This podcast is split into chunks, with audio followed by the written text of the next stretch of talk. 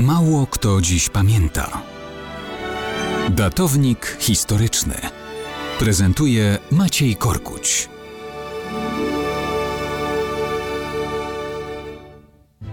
Mało kto dziś pamięta, że 16 kwietnia 1927 roku w samo południe cała Polska od Katowic po Wileńszczyznę, od Pomorza po Lwów i Stanisławów usłyszała hejna o zwierzy mariackiej w Krakowie.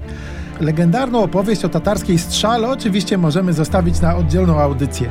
Faktem jest, że hejnał mariacki grany jest ponad dachami Krakowa na trąbce od 13 lutego 1838 roku, a więc już równe 180 lat. Grano go wówczas tylko raz dziennie, o 12 w południe. Od tego czasu hejnał zwierzy mariackiej stawał się coraz bardziej rozpoznawalną melodią, ale dopiero w wolnej Polsce decyzja o transmitowaniu go w południe na falach polskiego radia uczyniła z niego jeden z polskich symboli narodowych. Pierwsza taka audycja na żywo z mariackiej wieży popłynęła w eter właśnie 16 kwietnia 1927 roku. I tak zostało do dzisiaj. Hejnał mariacki towarzyszył nieraz naszym rodakom w różnych miejscach polskiej tułaczki w czasie II wojny światowej. Odegrali go m.in. żołnierze na zdobytym szczycie Monte Cassino.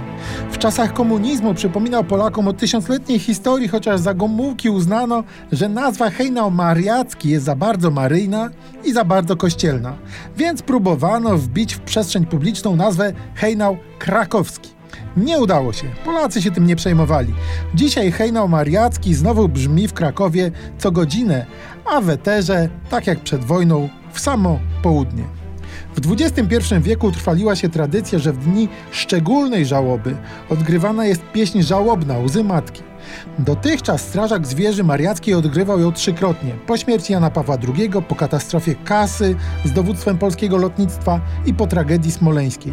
Miejmy nadzieję, że więcej takich okoliczności już w tym wieku nie będzie.